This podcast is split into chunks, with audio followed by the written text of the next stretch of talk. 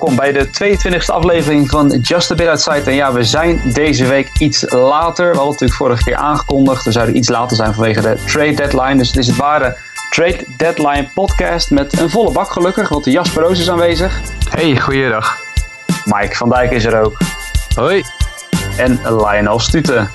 Hoi. En ja, daarmee gaan we dus meteen volop in op alle trades die van de week zijn gebeurd.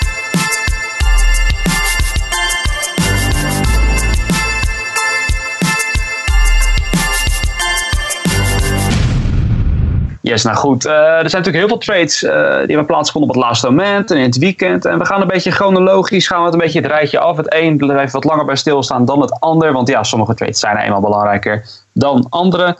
Beginnen we bovenaan het rijtje. Dat is misschien best wel interessant meteen. Want de Minnesota Twins, uh, Jasper, dan geef ik hem aan jou. Die, ja, die begonnen van de week met het binnenhalen van Jaime Garcia. Maar ja, op het moment van opnemen zit Jaime Garcia niet eens meer bij de Twins.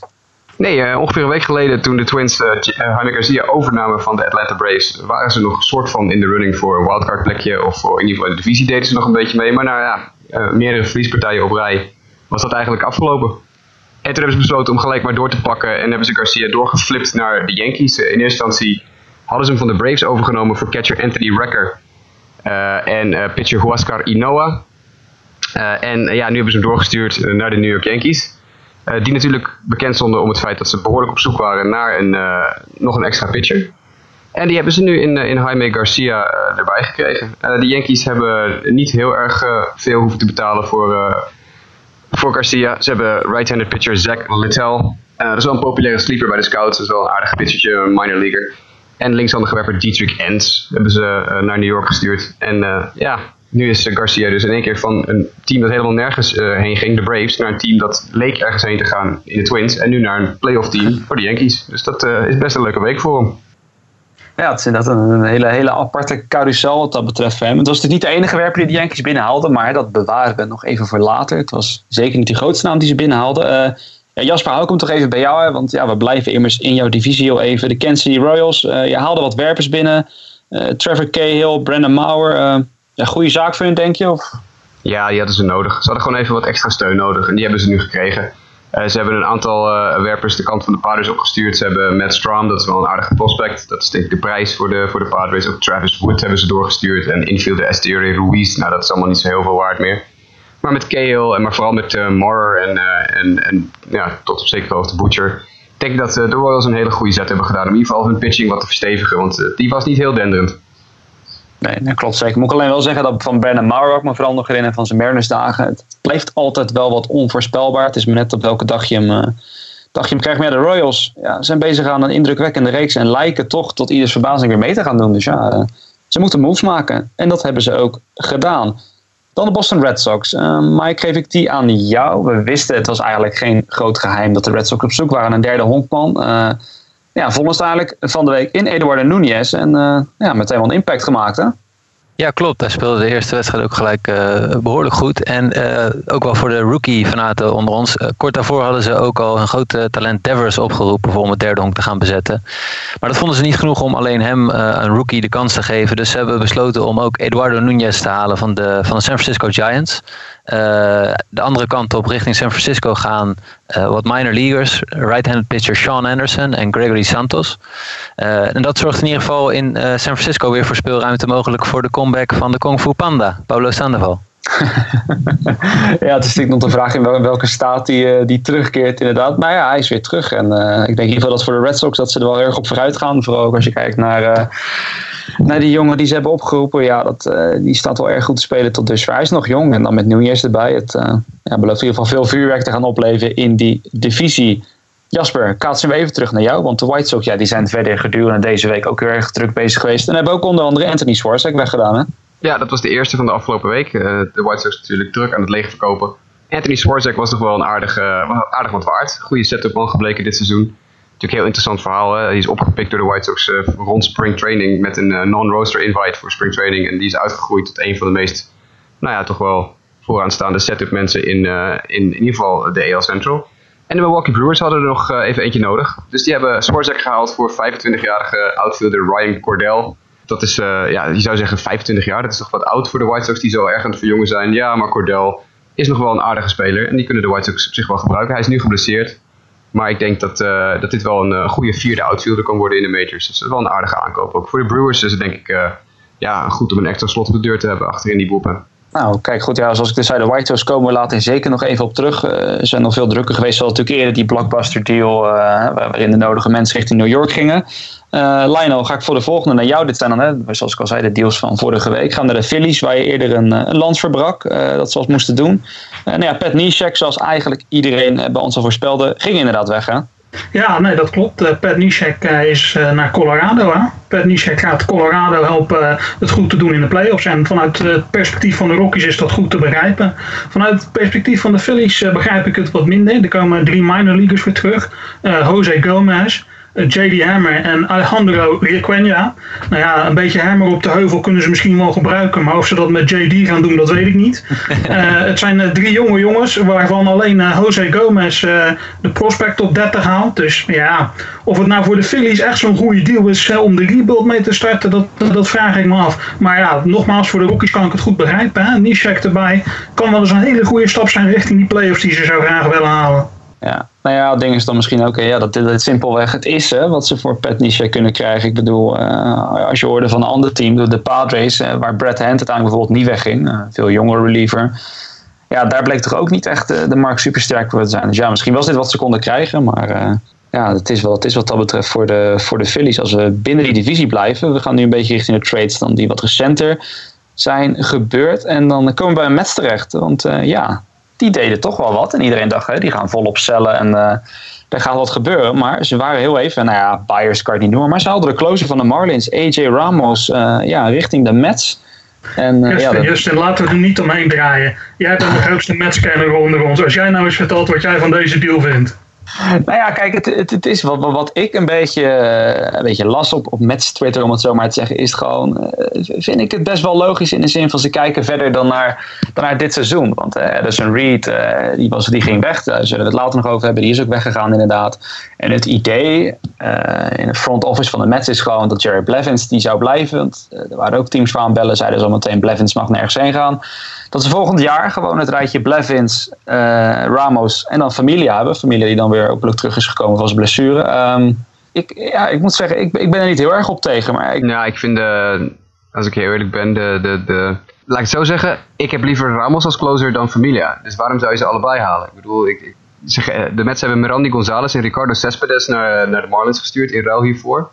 Uh, en vooral Mirandi Gonzalez is wel echt een uh, serieuze dude hoor. Dat is, hij is nog heel jong, maar dat is echt een dude die uit kan groeien tot iets, nou ja, misschien wel beter dan Ramos. En dan gooi je er nog even Ricardo Cespedes, overigens geen familie uh, van Johannes, ook nog de kant op. Ook een jongen met heel veel potentie, die nog wel ook echt heel jong is. Ik geloof dat hij 19 is en heel erg ruw langs de randjes is. Maar dan geven ze eigenlijk gewoon twee echt goede potentiële toekomststukken op voor AJ Ramos, die natuurlijk wel heel goed is. En we weten hoe goed Ramos kan zijn. Maar je hebt al Familia en je hebt inderdaad al een Blevins. En nou ja, goed, Addison Reed was er ten tijde van die trade nog. Die ging inderdaad later weg. Um, ik, ik vond het heel gek. Die, die trade kwam ook vlak na die andere deal die de Mets maakten. Uh, de Duda deal, daar komen ze meteen vast nog wel even op terug. Ik, ik, ik, vond het een hele verwarrende paar dagen voor New York Mets fans, als ik eerlijk ben. Nou ja, ik wilde gewoon hoop houden, maar bedankt dat je me weer even ja, terug op de grond hebt. Nee, ja, ik, ik snap het ook wel inderdaad hoor. Het is inderdaad... Uh, ergens kan je je afvragen uh, waarom ze het doen. En ja, vooral toen ik las dat er een Cespedes richting Miami ging, te schrok wel heel even. Ja, ja. Dan niet Johannes te zijn. Uh, nou ja, toekomst moet uitwijzen of dit misschien al niet erg is. Hè. Bedoel, voor hetzelfde geld uh, gaan we ooit nog heel veel goede dingen horen van Ricardo Cespedes. Maar ja, ik als Mets fan, ik, ik misgun die jongen niks hoor. Maar ik hoop natuurlijk dat het uiteindelijk niet zulke supertalenten blijkt te zijn. En dat we hier op terug kunnen kijken en zeggen van, nou, die Sandy Alderson heeft hij toch weer goed gedaan. Maar er waren, waren natuurlijk ook best wel veel, veel clubs geïnteresseerd in goede bullpen arms. En ja, AJ Ramos komt dan at a, high price. Dus ja, die hebben de mensen moeten betalen. Maar inderdaad, wat je terecht opmerkt, uh, is de urgentie in New York op dit moment zo dat je AJ Ramos moet halen? Terechte vraag.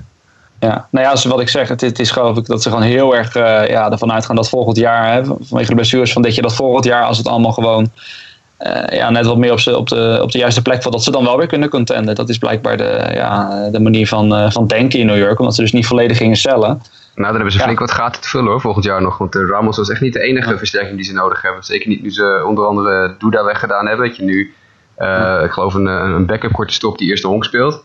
Uh, als Ruben Cabrera die natuurlijk wegvalt op een gegeven moment. Er zitten nog veel meer gaten in die, in die club dan alleen een, een boelpenarm. Dus dan moeten ze in de winter stevig aan de gang gaan.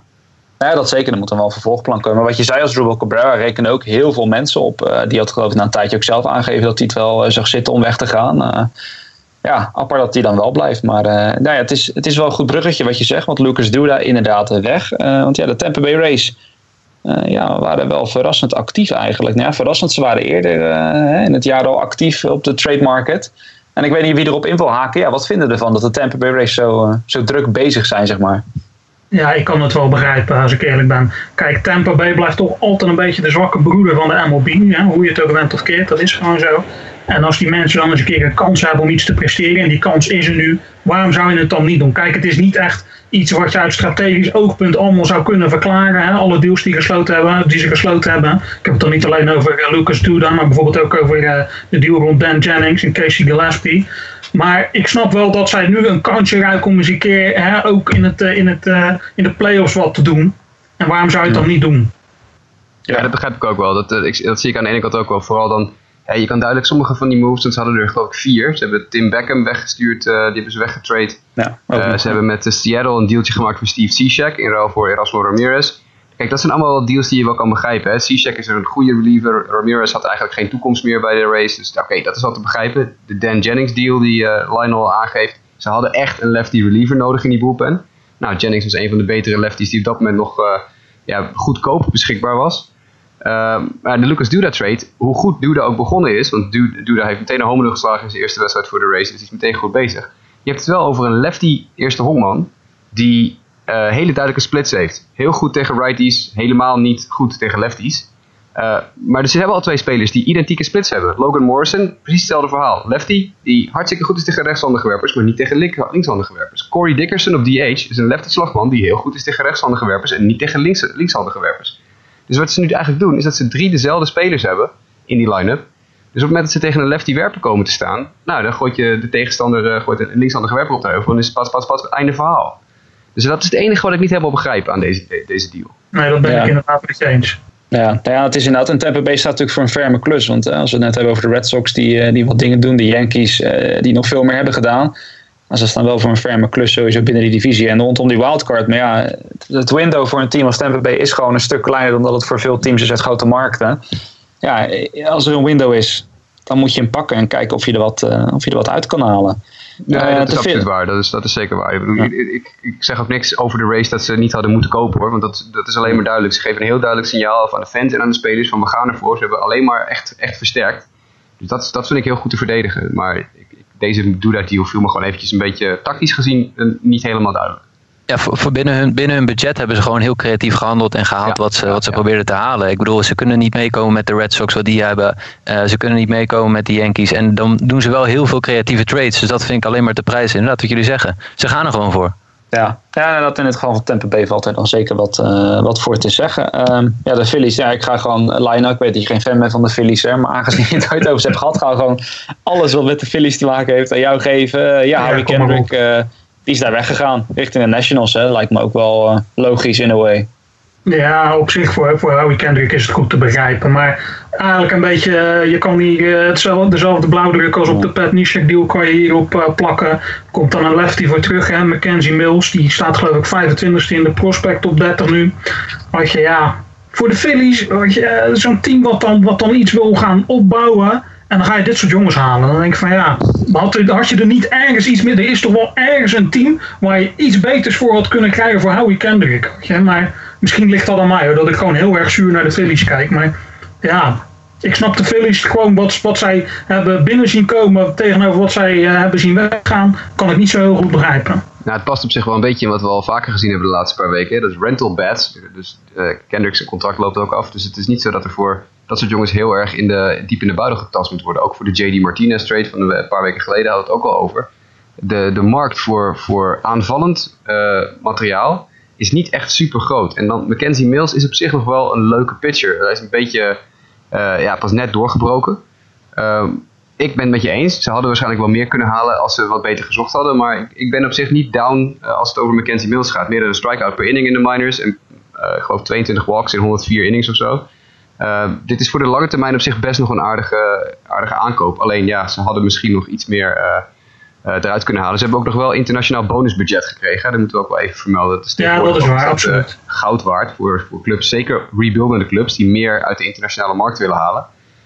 is is internationaal bonusbudget wel echt, uh, echt een dingetje. Dus de Nationals hebben nog een beetje geld uh, meegestuurd. Dat is absoluut. Nou ja, we hebben het hier natuurlijk wel over gewoon een team wat gewoon de laatste tien jaar min of meer als het slechtste team in de MLB gezien kan worden. Weet je wel, dan denk ik van ja, als je het vanaf de grond af gaat opbouwen, ben je dan met zo'n Mackenzie Mills, wat misschien inderdaad wel wat kan worden, daar, daar wil ik je best op geloven. Ik denk dat jij daar wel wat beter inzicht in hebt dan ik. Maar ben je dan met alleen zo'n Mackenzie, Mackenzie Mills, weet je, is dat dan het, het begin van je, van je wederopbouw? Nou, dat is een fair punt. Nee, ja, ik denk dat het probleem ook een beetje is. Ik bedoel, als je het vergelijkt met, uh, met, met, jouw White Sox, dat ja, uh, de, de, Phillies, kijk, ik, ik, moet zeggen, het staat me even niet meer zo goed bij wat ze in de jaren hiervoor precies om hebben, uh, qua, qua, deals hebben gemaakt. Ik weet dat ze voor Hamels geloof ik best wel wat, wat terugkregen, onder andere ja, Jared Eichhoff toen. Maar ja, verder zijn ze misschien toch iets te laat begonnen met de, het kijken naar de toekomst. En ja, toch een keer dat besluit maken om ja, het roer om te gooien. En dan kom je in een situatie terecht ja, waar je niet zoveel meer hebt. En dan ook niet moet verwachten dat je denk ik meer heel veel terugkrijgt. Terwijl ja, de White Sox eh, bij de vleet de prospects binnenhalen en daarmee ja, een hele veelbelovende toekomst tegemoet lijken te gaan. Ja, dat is dan lastig, maar goed, ze moeten wat. En, uh, ja, zelfs als je het daar nog even over hebt, hadden we het net even over de Dan Jennings deal. Daar hebben we niet eens uh, echt bij stilgestaan voor de Tampa Bay Race. Heel kort teruggrijpen. Casey Gillespie, die prospect die terug gaat naar de White Sox, dat was, dat was een hele goede vroeger, maar die is echt gecrashed dit jaar. Dus echt, dat is helemaal niks meer van over, lijkt het wel. Dus ik denk dat de White Sox daar weer een, een hoop op hebben dat ze die een beetje aan kunnen zwengelen. Als je die dan kan halen voor Dan Jennings, om aan te sluiten bij Howie Kendrick, uh, dan zou ik liever een speler hebben als Casey Gillespie, waar echt, waarvan al bekend is dat er veel in zit, maar die is echt helemaal neergestort dit jaar. Dan zou ik dus, als ik de Phillies was, liever zo'n soort speler gehaald hebben dan een Mackenzie Mills die nog vrij uh, ja, onbekend is. Dus wat dat betreft zou dat wel aan dat Lionel ook zijn. Ja. Nou ja, we gaan het zien hè, of die Casey Gillespie in 2022 bij de White Sox Parade uh, aanwezig zal zijn. Ja. Uh, we gaan het zien. Uh, dan de Baltimore Orioles. En het lijkt me wel goed om die aan jou te geven, Mike. Want ik meen me nog te herinneren dat jij, en, ik weet niet, twee weken geleden of drie weken geleden... het over de Orioles en de Blue Jays had. Van, het, het, is, het is lastig, gaan ze baaien of cellen? En ja, de Orioles lijken dan toch in een way buyers te zijn. Hè? Alle Jeremy Hellick zit mee ja. Ja, nou, ik zou het eigenlijk steen put willen zeggen. ze zijn buyers ah. omdat ze Jeremy Alexen gehaald hebben. Maar ja, deze, deze ploeg had echt zulke pieces om te verkopen uh, en, en, en, weg te traden en goede spelers voor terug te krijgen. En ze, hebben, ze zijn heel erg uh, veel benaderd. Ze hebben veel gesprekken gevoerd. Maar uiteindelijk hebben ze gewoon heel weinig deals gemaakt. Ze hadden Helixen nodig, want de starting pitching in Baltimore is gewoon dramatisch. Ze staat echt uh, bij de onderste in de, in de Major League. En de reden dat zij Helixen hebben gehaald is ook gewoon omdat het een, een, een beweging deze MLB-starter is die 200 innings uh, kan gooien. Nou ja, Jeremy Hellickson heeft een fenomenale april en maart gehad. Toen gooide hij met een 1.8 ERA 4-0, laten we zeggen 4 wins, 0 losses. Mm. Sindsdien niks meer van die vorm. En inmiddels staat hij dus ook met een uh, ERA van tegen de 5 aan te gooien. Tegen ja, de 6 inmiddels al, 5.9. Nou, hier 5,9 zelfs. Ja, uh, ik weet niet of dat dan echt de, de, de starting pitcher is waarmee je denkt uh, dit nog te gaan omdraaien. Statistisch gezien hebben ze ook niet zo'n hele grote kans om de playoffs te halen. eind volgend jaar gaat Manny Machado weg. Eind dit jaar loopt het contract van Zach Britton volgens mij af. Die hadden ze nu kunnen dealen. en dat hebben ze niet gedaan. even voor de formaliteit ook nog terug richting de Philadelphia Phillies gaan uh, Yoon So Kim, de outfielder, die is uh, over. Oké.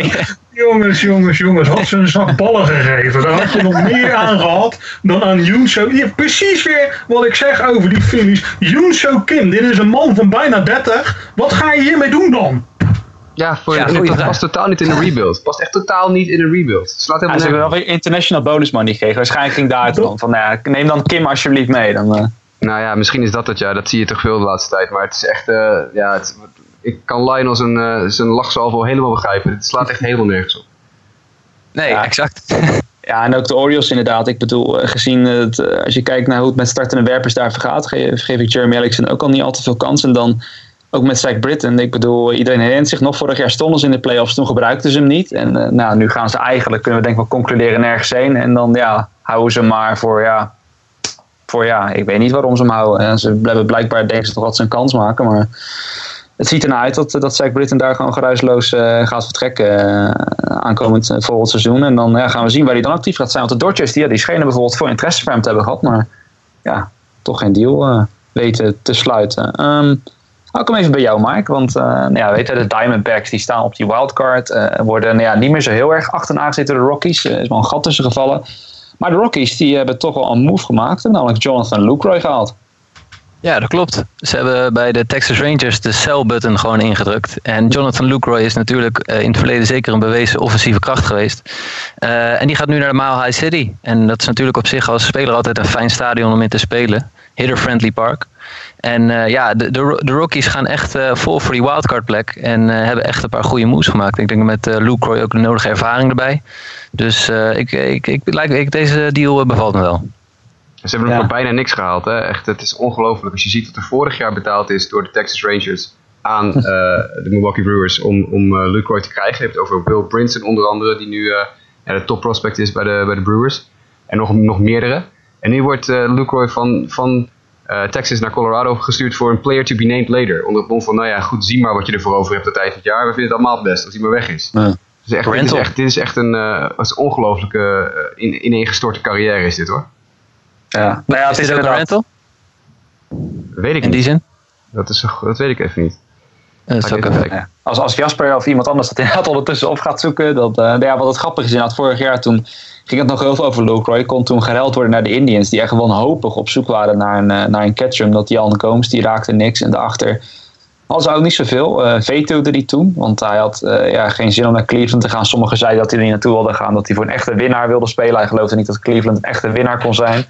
ik geloof dat hij zelf aangaf dat het meer vanwege familieomstandigheden was dat hij graag richting het zuiden wilde gaan. Maar hij ging toen naar Texas en ja, uiteindelijk heeft hij niet, niet kunnen winnen daar. Nee, hij is wel een rental inderdaad. Zijn contract loopt af aan het eind van het jaar. Nou, kijk, hebben we, terwijl ik dit verhaal hield, Deck Express, ik dacht, bouw wat tijd op om daarachter te komen. Maar goed, Jonathan Lucroy dus inderdaad naar de Rockies. En dan, nou ja, Jasper, je zei het net al, het was niet de enige move uh, van Anthony Swarzak en Dan Jennings die de White Sox maakten, want ook Melky is weg. Ja, ja, dat zat eraan te komen. Alleen het was een beetje opvallend dat Melky echt een geweldig seizoen draait dit seizoen. En er toch relatief weinig interesse voor hem leek te zijn. Weer hetzelfde verhaal, hè? ook een rental, ook contract loopt af. En outfielders zijn er genoeg van. Dat heb je gezien ook met de JD Martinez deal van een paar, weken geleden.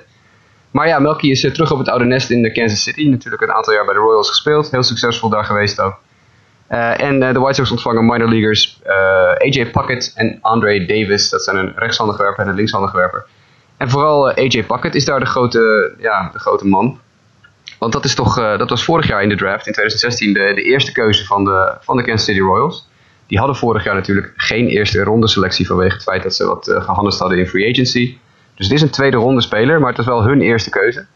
Uh, stond ook in de top 20 van de Royals en schuift ook bij de White Sox de top 20 in, eind top 20. de werper met uitzonderlijk goede controle, meerdere echte plus pitches. Dus dat is, ik denk dat de White Sox daar een hele leuke, heel leuk projectje mee hebben binnengehaald. En Andre Davis, dat is zo'n figuur van, nou ja, goed, uh, gooi je tegen de muur, kijk of het blijft plakken. En uh, als hij blijft plakken, heb je er wat aan en zo niet, dan uh, ook goed. Ja, nou, het is in ieder geval moordende concurrentie natuurlijk hebben, de White Sox qua prospects. Ik bedoel, dus het gaat, ja. niet, het gaat wellicht niet makkelijk worden voor hem. Maar, nee, maar voor de Royals ja. is het op zich een hele slimme move. Ze hebben plakken toch niet nodig op dit moment. Die is nog te ver weg. En de, ja, wat al gezegd is, de Royals gaan er dit jaar voor. En als je kijkt wat de Royals voor productie uit hun outfield krijgen dit jaar, dat is echt dat is te treurig voor woorden. Uh, natuurlijk Alex Gordon, die ook weer uh, nou ja, helemaal niks presteert dit seizoen. Uh, dan heb je inderdaad jongens als Jorge Bonifacio nog rondlopen. Nou, dat is dan nog wel oké. Maar ook niet echt heel erg om op te, op te vertrouwen. Dus ja, ze, hebben echt, ze hadden echt zwaar outfield hulp nodig. Melky schijnt naar het rechtsveld te, te, schuiven in Kansas City. Hij is natuurlijk altijd een linksvelder geweest. Maar het schijnt dat ze hem nu in het rechtsveld gaan plaatsen. En Gordon nog wel in het linksveld blijven houden. Nou, ik had Gordon gewoon lekker even een tijdje met vakantie gestuurd. En ik had Melky daar neergezet. Maar goed, dat is een ander verhaal. Ja. Uh, dus op zich is dit voor de Royals een hele slimme move. Ik denk dat Melky uh, ja, echt van waarde kan zijn voor, voor dit team. Ja. ja, als je dat zo uit mijn hoofd zeg, ik geloof dat Brandon Moston ook gehaald is hè, voor zijn corner outfield ja, positie. En die, die bakte ook helemaal niks van. Tijd terug had hij wel weer even een, een goede week. Maar is het ook niet geworden. Dus ja, ook met oog daarop inderdaad. Uh, alle hulp is welkom. Ja, het is een beetje zo'n soort move als, uh, als Ben Zobrist. Dat weet je misschien nog wel een paar jaar. In het World Series seizoen ja. van de Royals. Ja. hebben ze op de deadline een veteraan gehaald. Dat was toen Zobrist. En nu is het dus Melky, een, een 30-plusser. Uh, eentje met een goede clubhouse presence, die dat team echt een beetje kan sturen ook.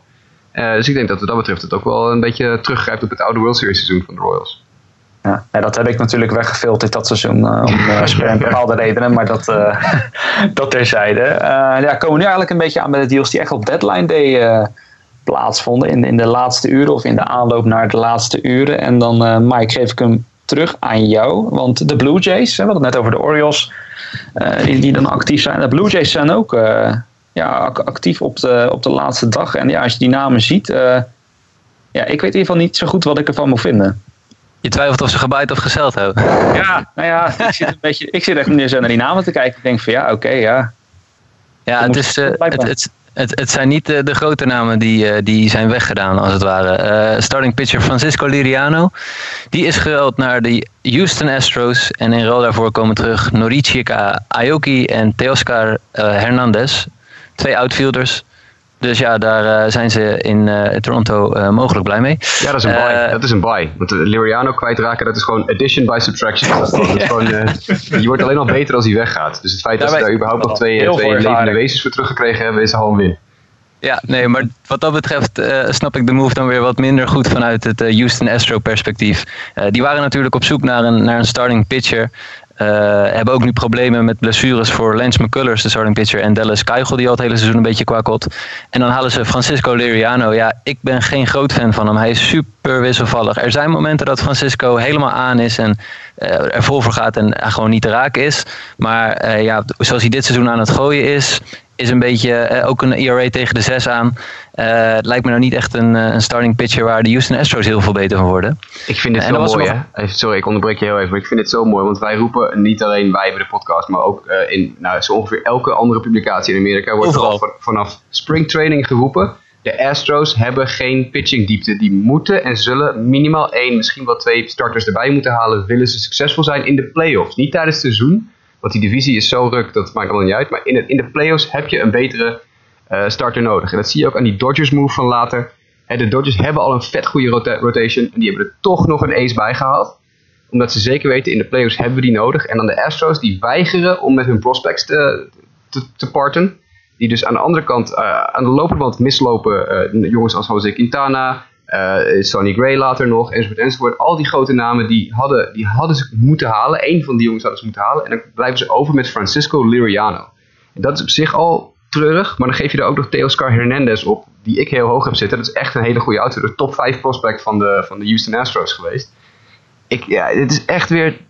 Ik zit letterlijk nu mijn hoofd te krabben. Ik heb gewoon geen idee. Ik, uh, ik snap ja, helemaal niks van. Vergis je ook niet Norrie Aoki. Hè? Norrie Aoki misschien niet qua cijfers uh, de allersterkste man in uh, Houston dit jaar. Maar Norrie Aoki is echt iemand waaraan het team zich optrekt. Hè? Stel dat nou nu dat dat ineens wegvalt. Hè? Wie gaat die rol dan overnemen binnen het clubhouse? Ja, dat is ook afwachten. Misschien verpest je hier wel heel je, je, je teamcohesie mee. Hè? Door Norrie Aoki weg te doen. Ben je dan wel zo goed af geweest? Ja. Ja, en voor de Blue Jays, bedoel, die, die gaan natuurlijk, Jose Bautista, die vertrekt op een gegeven moment. Die heeft, uh, volgens mij is hij ook een free agent na dit jaar. Ik kan me niet voorstellen dat de Blue Jays hem weer gaan verlengen. Hij heeft een vrij matig seizoen, om het zo maar even te zeggen. Die, die Teoscar Hernandez, die schuift naadloos in, uh, in het rechtsveld in hoor, voor de Blue Jays. Die hebben gewoon een start in de rechtsvelden volgend jaar. Ja, ongelooflijk. Ja, nou ja, het, is, het is wel apart. Hè. We gaan het straks over de Dodgers hebben. Maar dat je toch wel een klein contrast ziet. Dat de Astros misschien toch uh, te, te, graag al hun prospects willen behouden. In de hoop van we willen niet alles verkopen voor die, die, die ene hele goede werper. Terwijl de Dodgers uh, ja, echt in zo'n soort modus lijken te gaan van we willen elke twijfel, pech, geluk, wat er ook mag bij, komen kijken in de playoffs willen we wegnemen. Door gewoon zoveel mogelijk in te slaan. En voor te zorgen dat daar gewoon een superteam staat in de playoffs. ja, wat ik dan nog wel last trouwens met de Astros. Dat het wegdoen van Aoki iets te maken kon hebben met, uh, ik ben even zijn voornaam kwijt, maar Fisher, die, uh, die jonge gozer Derek Fisher. van de Astros, uh, ja, om, om, die een plek te geven op het roster. En Aoki zou hem een beetje in de weg hebben gezeten. En nu Aoki weg is, kan hij meer speeltijd krijgen. Ehm, dus ja, ja dat, maar goed, dat, op zich, dat, dat kan wel waar zijn, maar Aoki die speelde al op zich niet zo heel veel. Dat was een beetje de vierde outfielder daar. Ze hebben natuurlijk een vrij sterk outfield met, met Reddick en Springer en zo. Dus Aoki die was al een beetje een part-timer. Als je Fisher naar de, naar de Major Leagues haalt, wat ik inderdaad heel goed me kan voorstellen, dat is echt een hele goede speler dan moet je hem ook speeltijd geven en niet een part-time outfielder maken.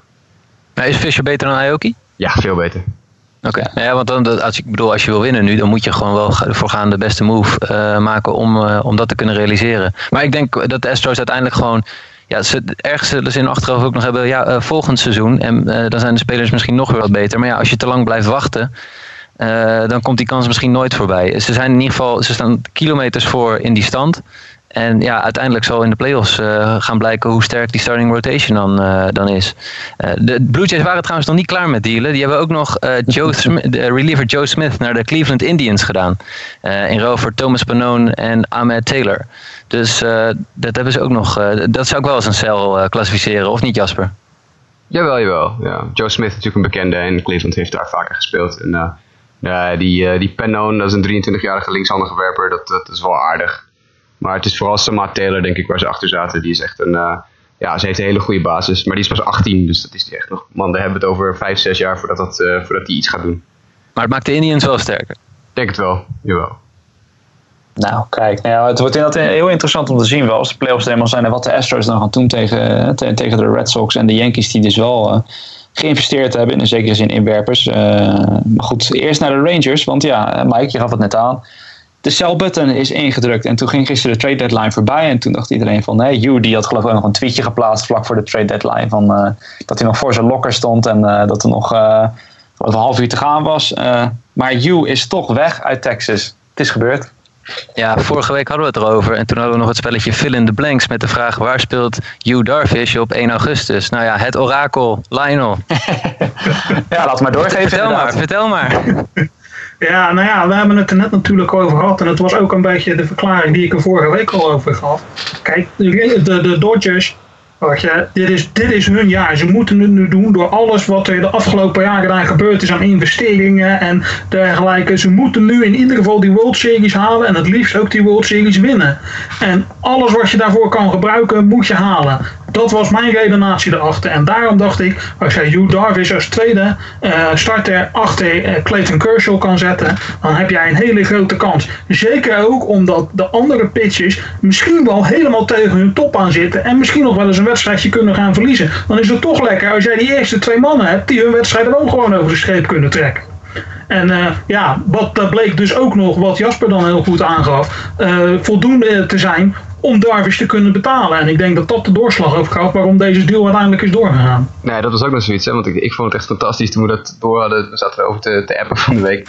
Uh, inderdaad, het orakel had uh, de Dodgers even uit zijn achterzak getrokken. En toen zaten we dat een beetje te bekijken van, nou ja, wie zou er dan gaan? Ik zat een beetje koffiedik te kijken van, nou, dat Alvarez niet, Verdugo niet, uh, Bueller zeker niet. Nou, misschien Willie Calhoun nog wel. Boom, Willie Calhoun gaat naar Texas. Dat was, op een of andere manier zaten we behoorlijk in de, in de goede hoek met deze. Dat is altijd wel een keer lekker als we als je met z'n allen toch uh, al pratend en al discussiërend op een punt uitkomt dat je achteraf een beetje gelijk blijkt, uh, blijkt te hebben. Dat vond ik wel erg mocht, prettig. Mocht, mocht de Dodgers front office luisteren naar deze podcast, een retweetje kan geen kwaad. ja, ja, precies. Graag, ja. Het zit heel stiekem als bron gebruiken inderdaad voor informatie. Maar uh, ja, als ik er wat over mag zeggen, ik snap het heel goed inderdaad van, het, van de Dodgers. Ik bedoel, we hadden het net dan over de Astros, waarvan iedereen weet dat ze starting pitching nodig hebben. En die besluiten dan om een of andere reden of ze vinden het te duur, of ze willen hun prospects niet wegdoen besluiten het niet te doen. Uh, en ja, de Dodgers die realiseren zich inderdaad gewoon, ze zijn bezig aan een historisch jaar.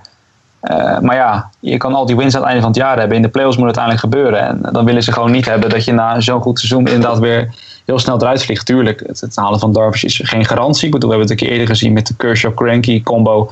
Het kan nog steeds fout gaan, maar ja, je verkleint in ieder geval heel erg de kans dat het fout kan gaan. Uh, moet Darvish wel iets beter gooien dan in zijn laatste start voor Texas. Maar dat terzijde, hè, dat soort dagen kunnen we allemaal hebben, om zo maar te zeggen. Uh, maar ja, ja, ik snap het volledig van de Dodgers. En uh, ik ja, bedoel, het is wel bizar dat gewoon zo'n goed team ja, dan nog veel beter wordt. Het wordt echt gewoon uh, een genot om naar te kijken in ieder geval als honkballiefhebber. Ja, supergoeie ja, deal voor Texas ook hoor. Want uh, ze hebben dan drie spelers teruggekregen. Onder andere dus die Willie Calhoun en pitcher AJ Alexi en korte stop Brandon Davis. Nou, die laatste twee dat zijn echt upside plays. Dat is, die, daar kan je nu nog niet heel veel over zeggen. Ze zijn allebei 19 zijn wel hele leuke, leuke spelers. Maar vooral Willie Calhoun, man, dat is echt, oh jongens, dat, daar kan ik eindeloos naar kijken. Tweede Hopman outfielder met een echt een ongelooflijke hoeveelheid power. Het is een beetje een propje, het is een beetje een klein kereltje. Maar uh, er zit een partij kracht in die knuppel, jongen. Dat is echt niet te geloven. Dat is, het is echt fantastisch om naar te kijken. Dat is, hij was na Cody Bellinger zo'n beetje de beste triple-A-slagman de laatste paar jaar. Nou ja, we hebben allemaal gezien wat er met Cody Bellinger gebeurd is in de majors. Ik, uh, ik sluit absoluut niet uit dat Willie Calhoun een dergelijke uh, impact gaat maken voor de, de Texas Rangers. Als het niet dit seizoen is, dan is het zeker weten volgend seizoen. Uh, die hebben natuurlijk Rougned Odor al verlengd op het tweede honk. Dus ik denk niet dat Calhoun op twee gaat spelen voor de Rangers. Maar hij kan ook prima in het linksveld uit de voeten. Dus dan schuift hij denk ik door naar het linksveld. Maar dat is echt een spelletje hoor. Dat is echt een baller. Dat wordt echt leuk om naar te kijken. Ja, ja het is trouwens misschien wel... Uh, ja, zeg maar, Mike. Ja, ik wil nog even één dingetje zeggen over Hugh Darvish. Uh, Lionel gaf aan uh, dat hij de nummer 2 starter kan zijn in de playoffs. Er zijn nu ook uh, mensen die aangeven dat zij denken dat Rich Hill de nummer 2 misschien wel is. Omdat hij op dit moment ook heel goed gooit. En Hugh Darvish niet meer dezelfde pitcher is als een paar jaar geleden. Uh, dat is natuurlijk waar. Maar als je gewoon ook naar de home road splits kijkt van Hugh Darvish. Thuis heeft hij een ERA van 5,38 en thuis 2,49. Ik bedoel, daar zit best wel een verschil tussen. Dus als hij, nu naar, dat hij nu naar de Dodgers gaat, is zeker een versterking voor die rotation. Absoluut.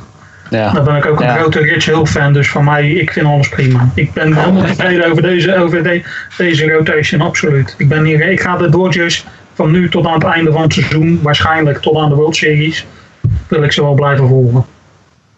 Nou ja, goed. Uh, als we even kort bekijken vanuit het perspectief van de Rangers, of niet zozeer vanuit een perspectief kijken. Ze deden nog namelijk één deal erbij. Uh, Jeremy Jeffress, uh, oud-closer van de Brewers. hij gaat terug naar Milwaukee. En bij de Rangers was het niet meer zo heel veel dit jaar.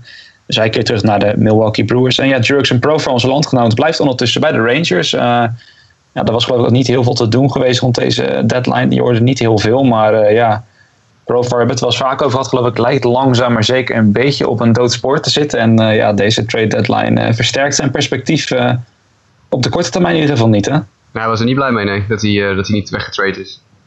Ja, ja. Gisteren niet gespeeld, geloof ik ook, hè? Nee, klopt. Zoiets. Nou hoorde ik jou ook zeggen, Jasper, dat Willy Calhoun kan in het linksveld spelen. Ja.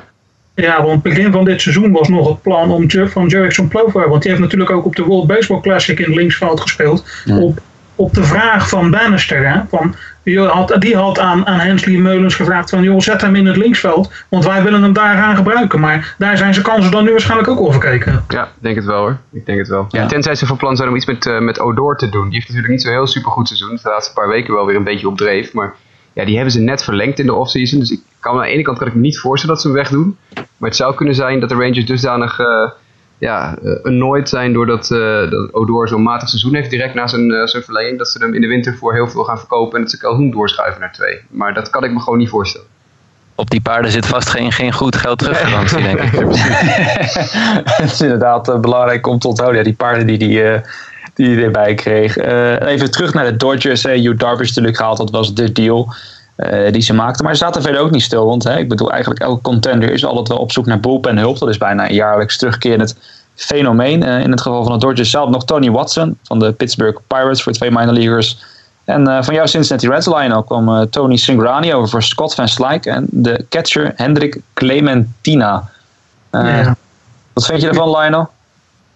Tony Synchrony, jongens. Echt. Uh, voor uh, de wat, wat jongere volgers, of de jongere luisteraars van de podcast, zoek eens wat beelden van Tony Synchrony uit 2013. Echt geweldig. Echt, echt de beste pitcher van dat seizoen in de, in de Major League. Absoluut. En daarna nooit meer wat. Helemaal niks meer. Daar hebben we niks meer aan gehad daarna de afgelopen vier jaar. Nou ja, en nu verdwijnt hij. En wat er dan ook voor terugkomt is wel weer echt typisch voor, voor het beleid van de Reds. Ik heb net de Phillies een beetje afgebrand, maar laat ik mijn eigen Reds vooral niet sparen hierin. Scott Van Slyke, een man van 30, bijna 31 jaar. Wat ga je daarmee doen? En uh, Clementina ben ik dan nog wel enigszins positief. Die heeft het wel heel goed gedaan in zijn, uh, in zijn, in zijn, in zijn wat wou ik zeggen? Zijn rookie ball seizoen waarschijnlijk. In rookie ball seizoen, juist, dankjewel. Um, dus daar zou misschien nog wel wat in kunnen zitten, maar ja, ja, ja. ja dan hoe, je, hoe je een team gaat opbouwen. Goede slagman, die eh, Clementina. Is, uh, ja, absoluut, absoluut. jongen van Curaçao. Uh, die, die, sloeg iets van 370 in rookie ball afgelopen seizoen. Dus die kan echt wel een aardig balletje slaan. Het is niet zo'n hele goede catcher. Niet, verdediger niet zo heel erg indrukwekkend nog. Maar hij is ook pas 20 natuurlijk. Maar het is wel echt een, uh, echt een stevige knuppel hoor. Die gozer kan wel aardig beuken. En wat betreft uh, Scott van Slyke heb je helemaal gelijk, maar dat is een salarisgevalletje. Singrani en Van Slyke hebben vergelijkbare contracten. Dat was gewoon een kwestie van eventjes salarisje ruilen. Ja, dat is het. Singrani had nog 1,8 miljoen dollar op zijn contract, meen ik. En uh, daar zou arbitration gaan volgen. Dus dan zo'n man die je toch al nergens voor kan gebruiken, gaat dan alleen maar nog meer gekost. Dus dat kan ik dan wel weer begrijpen, inderdaad. Mm. En Van Slyke gaat inderdaad natuurlijk niks meer doen, niet inderdaad 30 of zo. Dus dat, dat gaat helemaal niks meer met de, bij de Reds gaat hij toevoegen. Uh, maar dat is puur even een gevalletje van gewoon even salaris ruilen hoor.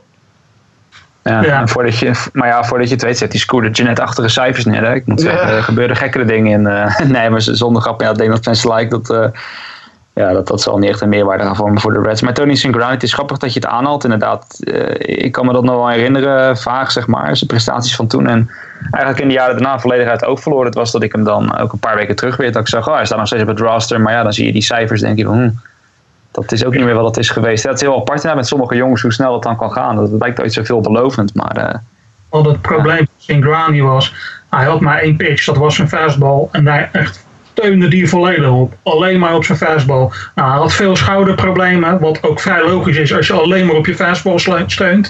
Dus ja, dat uh, hield toch gauw op, hè? want die man was gewoon, nou ja, wat, voor wat hij kon eigenlijk. Misschien moet je je wel afvragen of zo iemand, ook al heeft hij één heel goed wapen, eigenlijk wel goed genoeg is voor de Major League. Want dat kost hem dan uh, zo'n grote tol dat het, ja, dat je dit ervan krijgt, één goed jaar en uh, vier jaar een beetje ronddobberen.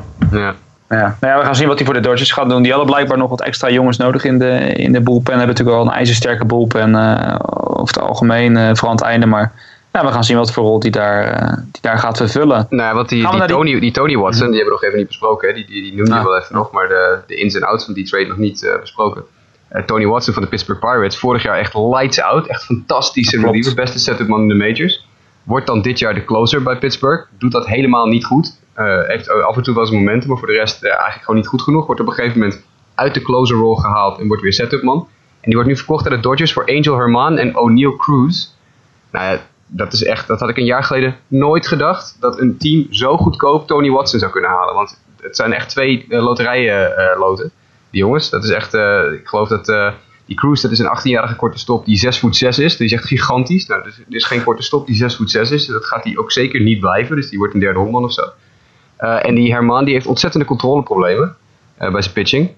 Uh, dus dit, dit, zijn echt twee loterijloten. En dan om van, misschien, misschien wordt het wat, maar waarschijnlijk niks. En dat krijgen de Dodgers hebben Tony Watson voor. Die vorig jaar echt een van de beste lefties in, in Major League Baseball was. Ik vind het echt, echt een steal van een deal voor de Dodgers. Ja, dat is inderdaad maar weer een voorbeeld. Het kan snel verkeren inderdaad. En moet ik zeggen, ik vind de Pirates sowieso nooit echt al te ijzersterk in trades. Nee, vraag me niet alles erbij te halen, maar vooral als ik naar de afgelopen jaren vaak, want de trade deadline maak ik heel vaak geen splash deals, maar van die deals dat ik denk van ja, moi, waar, waar gaat dit heen? En uh, het is verder ook, als ik het ook goed meen, hebben de Pirates ook verder uh, niet, niet echt wat gedaan trouwens. Dat was een best een goede week achter de rug hadden. Ja, maar, ze hebben Joaquin Benoit gehaald hè? Nou ja, tuurlijk. Ja, ja, laat, hebben die stond laat in de outline, maar ja, laten we dat nou maar even kort benoemen. Ja, had Joaquin Benoit dan gehaald en dan denk ik ook daarbij van ja, ja. leuk, maar Inderdaad. Over ja, eigenlijk daar kan je niks over zeggen. Gewoon even het voor mededeling en doorgaan hoor. Want dat is die gast, dat is ook helemaal niks. Dat is weer zo'n een lekkere Philadelphia deal. Hè? We zijn aan het rebuilden, we halen iemand van 38. Dat is echt volkomen logisch. Ja. ja. Nou ja, precies. Maar goed, laten we inderdaad over deals hebben die er meer toe doen. Want we hadden het net over de New York Yankees. Die zaten ook niet stil. En het, het ging al langer rond het gerucht. Maar ja, Sonny Gray, hè, een werper die in tegenstelling tot Darvish geen rental pitcher is, om het zo maar te zeggen die gaat richting de New York Yankees en die gaat daar die rotatie versterken. En uh, ja, toch in, de hoop dat ze die AL East-titel voor de neus van de Red Sox kunnen grijpen. Uh, ja, laat ik zeggen, wie, wie wil hem oppakken? Ik bedoel, uh, ja, Sonny Gray naar de Yankees. Ik ga mijn gang. ja, dit is, dit, is geweldig. Ik, ik was echt blij voor de Yankees. Uh, in mijn volledige on-objectieve uh, houding. nee, de Yankees, we hebben het een paar weken geleden gezegd, hadden gewoon een paar uh, gaten die ze moesten opvullen. En als je kijkt wat Brian Cashman de afgelopen weken heeft gedaan, echt fantastisch. Hij heeft echt goede deals gemaakt. En met name met Sonny Gray, de, de geruchten waren vooraf, als ze Gray willen halen, dan moeten ze echt uh, Clint Frazier of uh, Torres moeten ze gaan opgeven. Of uh, hoe heet die? Die andere speler. Tor, oh, je bedoelt die, Gleyber ja. Torres. Precies. Ja. Een van die twee grote talenten moesten ze opgeven, wilden ze hem krijgen. En het is hem gewoon gelukt zonder dat te doen. En uh, daarnaast heeft hij dat derde honk met Todd Frazier uh, geregeld. Uh, heeft de bullpen versterkt. Alles, alle gaten die de Yankees hebben, heeft hij gewoon opgevuld. En nu dan Sonny Gray erbij. Gewoon een solid starting pitcher. Eentje die ze in Houston graag erbij zouden willen hebben, denk ik. ja, ik, ik, ik denk dat de Yankees gewoon het, het sterkste team zijn in de AL East op dit moment. Sonny Gray is uh, in, over de laatste, geloof, zes weken verspreid. Alleen uh, Chris Sale heeft hij uh, voor zich staan als beste werpers in de Major League. Het is echt ongelooflijk. Ja. ja, het is vooral de fitheid. Hè? Dat is alleen vaak dat is bij, bij, bij, bij, Sonny Gray vaak DL-stints. van die korte DL-stints. wat ik er wel grappig vond, Jasper, misschien kan jij sowieso een beetje wat dieper ingaan op die namen die dan die richting Oakland gaan. Want Dustin Fowler, daar hebben we het natuurlijk eerder dit jaar over gehad. Dat is de jongen die zo ongelukkig botste tegen zo'n, ja, wat was het, zo'n ijzeren kastje. En, toen bij een wedstrijd tegen de White Sox. Daardoor helemaal geen eens een officiële at-bat gehad bij de Yankees. Ja, gaat er ook niet van komen hè, voorlopig. Nee, dat is heel opvallend. Hij heeft inderdaad een halve inning gespeeld voor de Yankees. En toen scheurde hij zijn kniebanden af. Uh, en dat heeft hij dus nog steeds. Dat is wel opvallend aan die deal. Er worden drie spelers van de Yankees naar Oakland gestuurd. Twee daarvan zijn zwaar geblesseerd. Dustin Fowler heeft afgescheurde kniebanden. En James Caprillion heeft Tommy John gehad net. Dus dat zijn echt twee jongens die er nog zeker wel uh, nou, 8 tot uh, eh, 12, misschien wel 14 maanden uit liggen. en uh, korte stop, Jorge Mateo wordt ook weggestuurd. Het zijn wel alle drie top 10 prospects van de Yankees. Maar ja, twee zijn er dus zwaar geblesseerd. en Mateo is een, een, ja, een hele snelle korte stop. Maar die komt niet zo heel veel op dronk. Dus daar heb je ook niet zo heel veel aan je snelheid natuurlijk. Als je uh, ja, het is super handig, hè? net als Billy Hamilton. Als die een keer wat vaker op het honk zou kunnen komen, dan zou hij 200 honken kunnen stelen in een seizoen. Maar ja, zijn OBP is altijd een beetje laag, dus het schiet nooit zo heel erg op. Nou, hetzelfde heeft Matteo, heeft daar een beetje, een, uh, een beetje last van. ze zijn alle drie top 10 prospects, hele goede spelers. Maar ja, inderdaad, twee zwaar geblesseerd en één, ja, een beetje een Billy Hamilton-achtig figuurtje, maar dan niet zo snel. Ja, meer, meer moneyball dan dit kan je het natuurlijk eigenlijk niet krijgen. Hè? We nemen twee spelers die zo zwaar geblesseerd zijn dat niemand er naar omkijkt. Ja, dat is zo. Ja. Ja. is wel heel goed. Hè? James Caprillion is ook weer een, eh, een oud honkbalweek-veteraan. de laatste keer dat Team USA in de honkbalweek was, uh, was James Caprillion de ace van de, van de staff. Hele goede werper. Ik heb hem toen een week zien gooien. Echt fantastische werper. Uh, dus daar gaan de Oakland Athletics heel erg veel lol van hebben. Hij lijkt ook heel erg op Sonny Gray. Hij werd heel vaak, ook al voor de draft plaatsvond vorig jaar, uh, werd hij heel vaak uh, vergeleken al met Sonny Gray. Zelfde soort, uh, soort pitcher. Dus dat is wel geinig dat hij dan ook die kant op gaat. Ja, nee, goed, die Zen en Matteo, ik bedoel, kort stop, nou al ligt dat hij misschien wel betere defense speelt dan Trevor Simeon. Want als ik maar iets Marcus herinner van de Athletics, als ik wel eens wedstrijden van ze opzet, dat het verdedigend echt heel, maar dan ook heel pover is. ja, dat klopt. Bij, bijna op elke plek gewoon. Het is echt vaak een foute verstijn. Dus nee, allicht kan hij op dat vlak wel mee helpen. Was overigens niet de enige move die ze maakten. Dat is meteen de volgende move die we even kort belichten. Adam Rosales, uh, eigenlijk een gouden ouwe. Ik kan me nog herinneren, was geloof ik twee jaar geleden of drie jaar geleden zat hij in zo'n soort uh, soap verzeld dat hij uh, constant van Texas, Texas Rangers naar de Oakland Athletics ging heen en weer. en nu gaat hij naar de Arizona Diamondbacks, wel een trade voor Jefferson Mejia. Mike, word je daar vrolijk van? Ja, dit is echt. De, nu gaat het gebeuren. Nee, in, in alle ernst, de Diamondbacks hebben voorafgaand aan dit seizoen hadden ze heel veel korte stops en tweede honkmensen en getalenteerden. Dus dat was eigenlijk uh, waar de trade chips vandaan moesten komen. En in de afgelopen maand ongeveer zijn er daar in één keer drie spelers weggevallen. Uh, Nick Ahmed heeft zijn hand gebroken. Chris Owings kreeg een bal op zijn hand, heeft zijn vinger gebroken. En de moeder van Carol Marte is afgelopen weekend overleden door een tragisch auto-ongeluk. en daarom hadden de Diamondbacks in ieder geval te weinig spelers eigenlijk om, om gewoon de selectie en de posities te mensen. Want ze hebben dan alleen nog Daniel Descalzo over en Brandon Drury. Dus zodoende moesten ze iets doen en hebben ze Adam Rosales gehaald. Ja, volgens mij gewoon een, een, een veteraanspeler die bewezen in de MLB kan spelen. En uh, ze hebben ook nog uh, Emilio Bonifacio, die ooit debuteerde bij de Diamondbacks, gecontracteerd op een minor league deal. Dus ja, dus ik zie het meer als breedte investering voor nu eventjes. Maar als Chris Owings en Carol Marte terugkeren, dan verwacht ik dat Adam Rosales richting de bank gaat. Ja, precies. Lijkt me niets meer logisch. Dat is ook eigenlijk jarenlang een beetje, een beetje zijn rol geweest overal. Een goede, goede ervaren bankspeler om erbij te hebben. Meerdere posities inzetbaar, maar that's it. Dus uh, we, gaan, we gaan zien of hij nog wat kan betekenen voor, jou, uh, voor jouw Diamondbacks. Gaan we even door naar de Mets. Uh, ja, we hadden het eerder al een beetje gezegd. Hè, die waren enigszins buyers met de AJ Ramos deal. Waar niet iedereen hier het even over goed over eens is of dat nou goed of slecht dat gezegd hebben, de Edison Reed ging dus wel weg. Dat was dit jaar uh, eerste setup man. Toen werd hij de closer, toen Familia vertrok. En hij wordt nu weer een setup man in de Boston Red Sox. Want ja, de closers in de MLB, die gaan niet zomaar eruit spelen. Uh, wordt er de setup man. En uh, ja, Jasper, hoop ik dat je hele goede dingen hebt te vertellen over die drie prospects die komen. Ik verwacht niet dat de allerbeste zijn, maar is er nog iets positiefs Ja, jawel. Dat is wel een aardige, verrassend veel wat er nog uitkwam hoor, voor, voor de mensen. Dat hebben ze best aardig gedaan. Het was een eh, trio minor league rechtshandige werpers. Uh, Steven Nogoshek, uh, Jamie Callahan en Herson Bautista. Um, en vooral Callahan en Nogoshek, dat waren de, denk ik de twee grote namen. Nogoshek is de hoogste op de lijst. Die stond nummer 18 op de top 30 lijst van Boston. single A-werper. Best wel een goede fastball. getalenteerde jongen. Callahan die zat op de nominatie om aan het eind van dit seizoen al mogelijkerwijs wat tijd in de majors te gaan zien. Die was nummer 23 voor, voor Boston. En Bautista was nummer 28. Dus het zijn de drie top 30 prospects met echte power arms, power arm relievers. En dat is toch wel iets wat, waar de Mets ja, veel achteraan zitten over het algemeen. Dus dit is denk ik wel een slimme move geweest. Als je toch al AJ Ramos gehaald hebt, dan kan je net zo goed Reed wegdoen. En nou ja, drie top 30 prospects terugkrijgen is geen slechte move.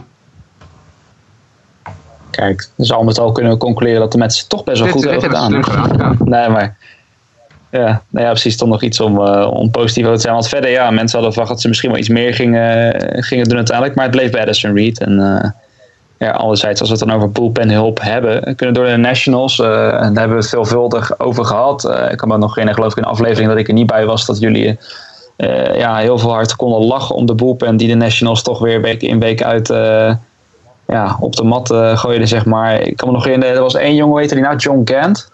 Trevor God. Oh, Trevor God. Nou, John Gant, Trevor God, Trevor God in ieder geval. Uh, nee, kans is elkaar, joh. Ja, precies, precies. Uh, de kans is nog klein dat we hem terug gaan komen. Hè, want, uh, Hij staat op de Live and Disabled list op dit moment, dus. Oh, kijk. Nou ja, bedankt Mike voor deze update over Trevor God. Uh, nee, maar Lionel, hè, ik zeg het net, de kans is kleiner geworden. Want ja, in de naam van Brandon Kinsler hebben ze wat hulp erbij gehaald, hè? Ja, nou ja, het was wel duidelijk dat ze wat, uh, nog wat meer zochten in die bullpen. Vooral eigenlijk, dat zit ik me nu net te bedenken. Als ik nou die teams die echt, waarvan je echt zegt van die gaan de playoffs halen. Welk team heeft het dan het slechtst gedaan? Zou dat de Nationals zijn of zou dat de Astros zijn? Ja, ik zou de Astros zeggen. Want ik denk de Nationals... Het, ja, de Astros, de uiteindelijk nog wel... Uh, die hebben wat moves gemaakt. Die, het zouden niet mijn moves geweest zijn. Maar ze hebben tenminste nog wel iets gedaan waarvan je kan zeggen... Oké, vooruit maar. Eh, de Astros die hebben gewoon alleen maar, die werden ook al maandenlang ook al achter mijn voordeel gezeten, net als de Nationals, maar die hebben echt helemaal niks goeds gedaan. In mijn optie. Nou ja. Nee. Ja, nee, dat ben ik wel met je eens. Toch, ik denk dat er voor de Nationals wel wat beter, uh, betere armen in de bullpen te vinden waren dan de, de, namen die ze nu uiteindelijk in de afgelopen weken erbij hebben gehaald. Ik denk van ja, het zou wel eens kunnen zijn dat je alweer in de voet schiet. Hè? Ja, dat zeker. Ik zit nu trouwens even divisies af te gaan. Hè. Het enige uh, wat me dan ook opvalt is dat hè, de Indians eigenlijk, als ik me goed heb, ze hebben ook best wel stilgezeten eigenlijk. We hebben het over een reliever die naar ze toe ging. Maar terwijl de Royals echt agressief uh, ja, eigenlijk aan werpers bij elkaar aan het kopen zijn om toch de divisie te pakken, zitten de Indians eigenlijk stil. Blijkbaar content met wat ze hebben. Maar ik ben het met jullie eens. De, de Nationals, wat, Jasper, wat jij denk ik heel goed aanhaalt, dat zijn misschien niet hè, toen met Ryan Madsen en Sean Doolittle niet de meest, sorry, uh, niet de meest sexy moves die ze, die ze maken. Maar ja, het zijn denk ik al met al wel deals waar ze beter van worden. Ja, bij de Astros, de kan je daar nee, die worden letterlijk dus niet beter met die Nee, de Astros worden letterlijk niet beter met de move van Liriano. Nee, dus ja, in dat opzicht uh, is deze move van de Nationals heel goed te begrijpen. En Brandon Kinster, ja, ik, ik moet zeggen, dat komt toen voor mij in ieder geval een beetje uit het niets. Uh, dat hij ineens de close werd bij de Twins en het gewoon heel verdienstelijk deed. Maar uh, ja, en ja, voor Tyler Watson komt hij nu de boelpen versterken in Washington. En nou ja, zoals ik al zei, dat is niet heel moeilijk om die boelpen te versterken in deze staat. Maar hij gaat dat toch doen. En benieuwd wat hij daar dan gaat bewerkstelligen. Mike, gaan we even kort naar jou, want er was nog één trade in de desert. En dat was David Hernandez. De comeback van David Hernandez naar Phoenix. Ja, ja, ja, hij is uh, gekomen naar de Diamondbacks. Uh, dat is ook nog een trade die ze dus gisteren maakten. Uh, Luis Madero gaat van de Diamondbacks naar de Los Angeles Angels. maar ja, David Hernandez, de Diamondbacks hadden gewoon versterking nodig in de bullpen. je moet een alternatief hebben voor de closer die op dit moment daar staat te gooien, Fernando Rodney. En Hernandez is heel stilletjes bezig aan een heel goed seizoen.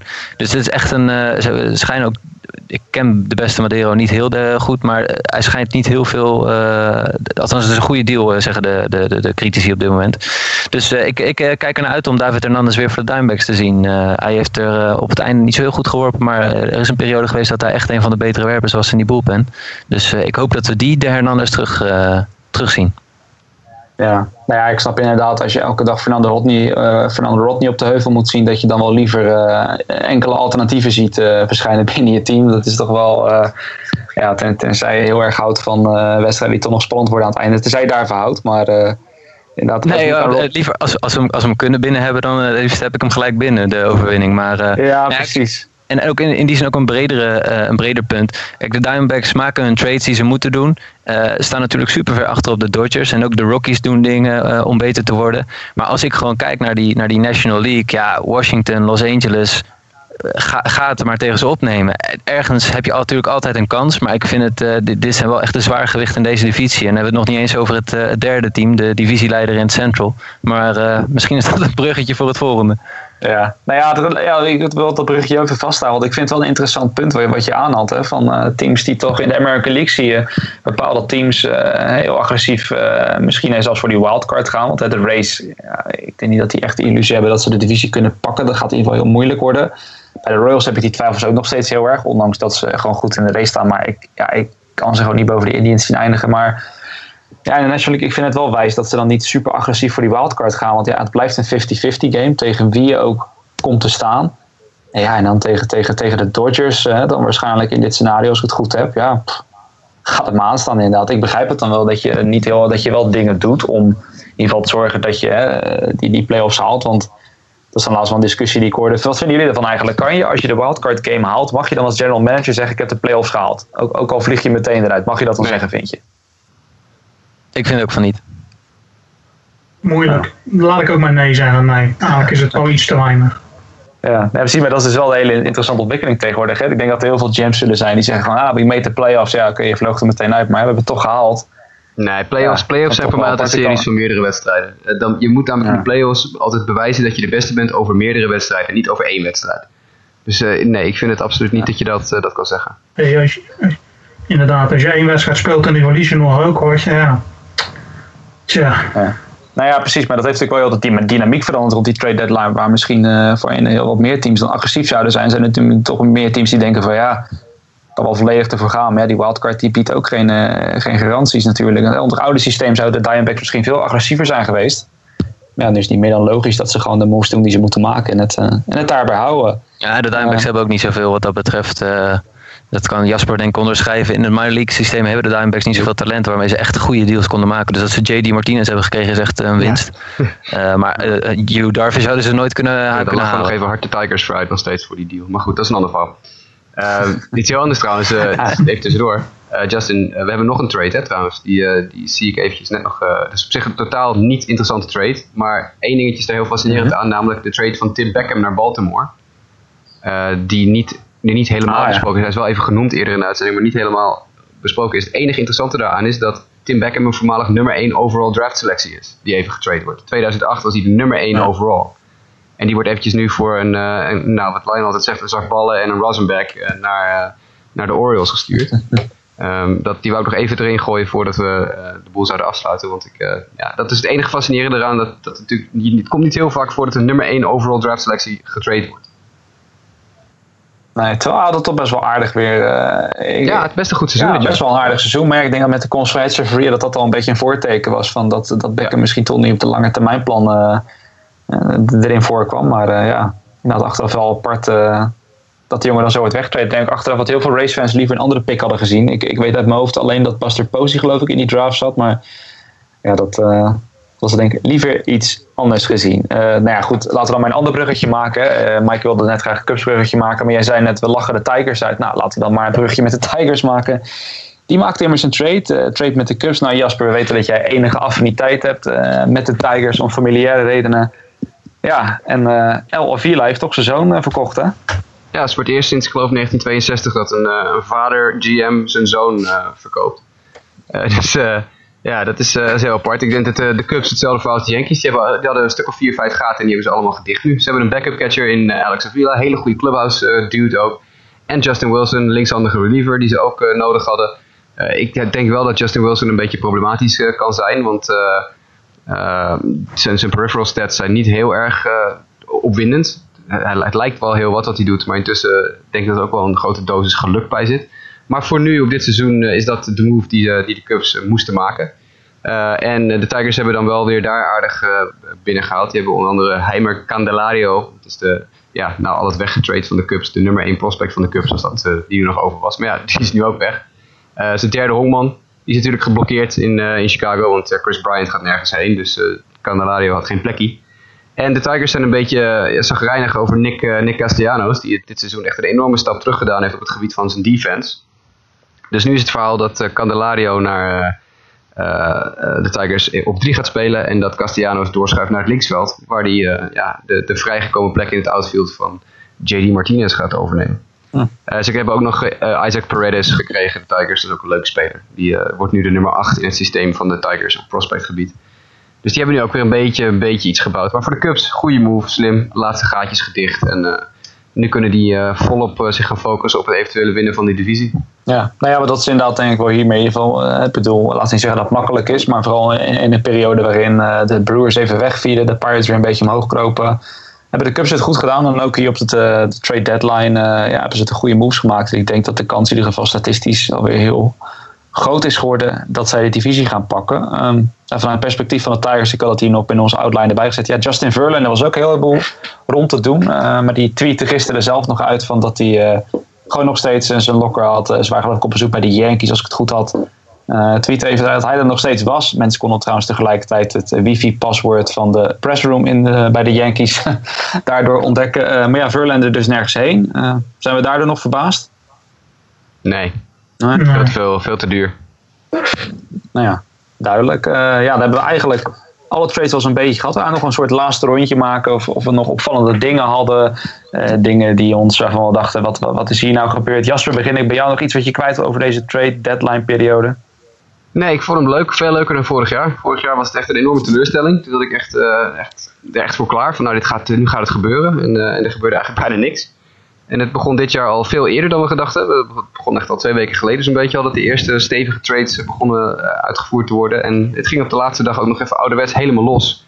Dat het bijna niet meer bij te houden was. Inclusief nog een move na officieel de deadline al uh, verstreken was. Want er werd een één move afgerond na vier uur s middags, lokale tijd hier in Amerika. Um, voordat de, de, move klaar was. Dat was de, de Hugh Darvish trade. Uh, dus nee, ik vond het een hele vermakelijke trade deadline. Ik denk dat we ook een hele leuke laatste anderhalf, twee maanden van het seizoen ingaan. Ja. Mike, jouw mening? Ik vond het ook een leuke trade deadline. Veel dingen die ook niet zou aankomen en, en big deals. Uh, mijn afdronk van de trade deadline is de goede teams zijn alleen maar beter geworden. En dat de teams als de Diamondbacks en de Brewers het zwaar gaan krijgen om, uh, om de playoffs te halen en daar enig succes te behalen. Maar you can't predict baseball. Het kan allemaal zomaar anders zijn volgende week.